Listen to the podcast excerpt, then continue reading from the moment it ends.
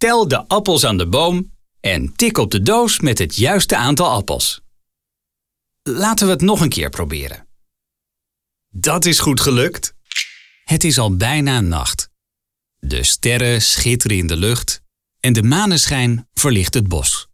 Het is tijd voor onze kleine vriendjes om in hun slaapzakken te kruipen en over nieuwe avonturen te dromen. Welterusten, kleine vriendjes.